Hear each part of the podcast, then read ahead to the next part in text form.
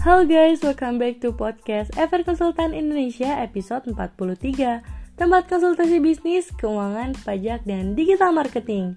Bersama gue Mutia Neta. Di episode kali ini gue akan menemani kalian dalam beberapa menit ke depan nih. Yang pastinya dengan topik yang seru dan membangun buat kaum milenial.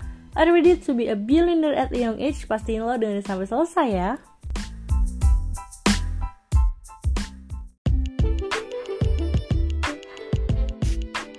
Sebelum terlalu jauh nih ya, kalian pasti sering banget kan dengar istilah startup.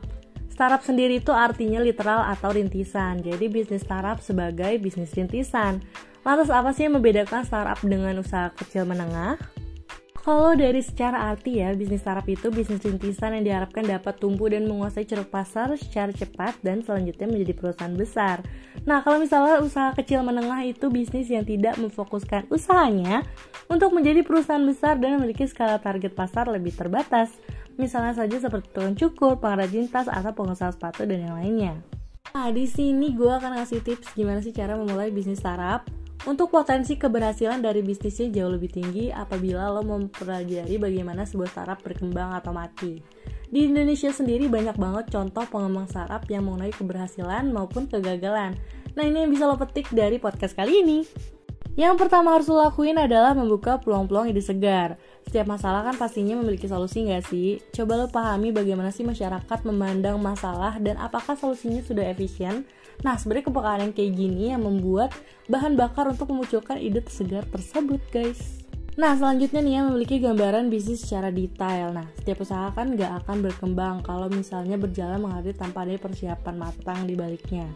Karenanya harus memiliki gambaran bisnis secara detail dan terukur. Fungsinya bisa menjadi motivasi sekaligus dan alat kontrolnya. Next, lo harus nyusun sebuah tim yang solid.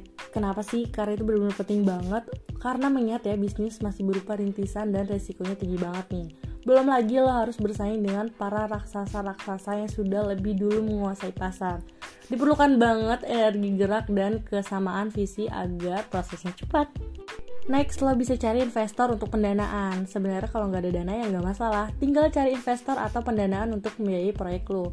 Memang sih salah satu langkah terpenting agar bisa mendapatkan kesuksesan menjadi investor adalah mampu mempertanggungjawabkan idenya dan menunjukkan prospekturnya. Oke, yang terakhir dan gak kalah penting adalah memaksimalkan marketing. Senjata umat bersaing dengan raksasa adalah memaksimalkan marketing perusahaan raksasa nih ya meskipun udah banyak dikenal tetap memperhatikan marketing guys. Apabila lo nggak mengoptimalkannya tentu itu bisnis lo bakal dikit banget dikenal orang.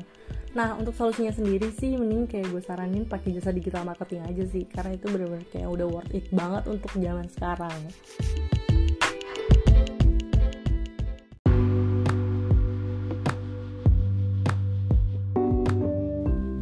Gimana gengs? Menarik gak sih pembahasan kali ini?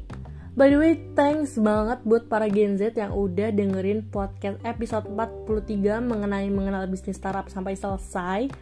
Dan ini untuk mendapatkan lebih banyak tips dan trik tentang bisnis keuangan pajak dan digital marketing.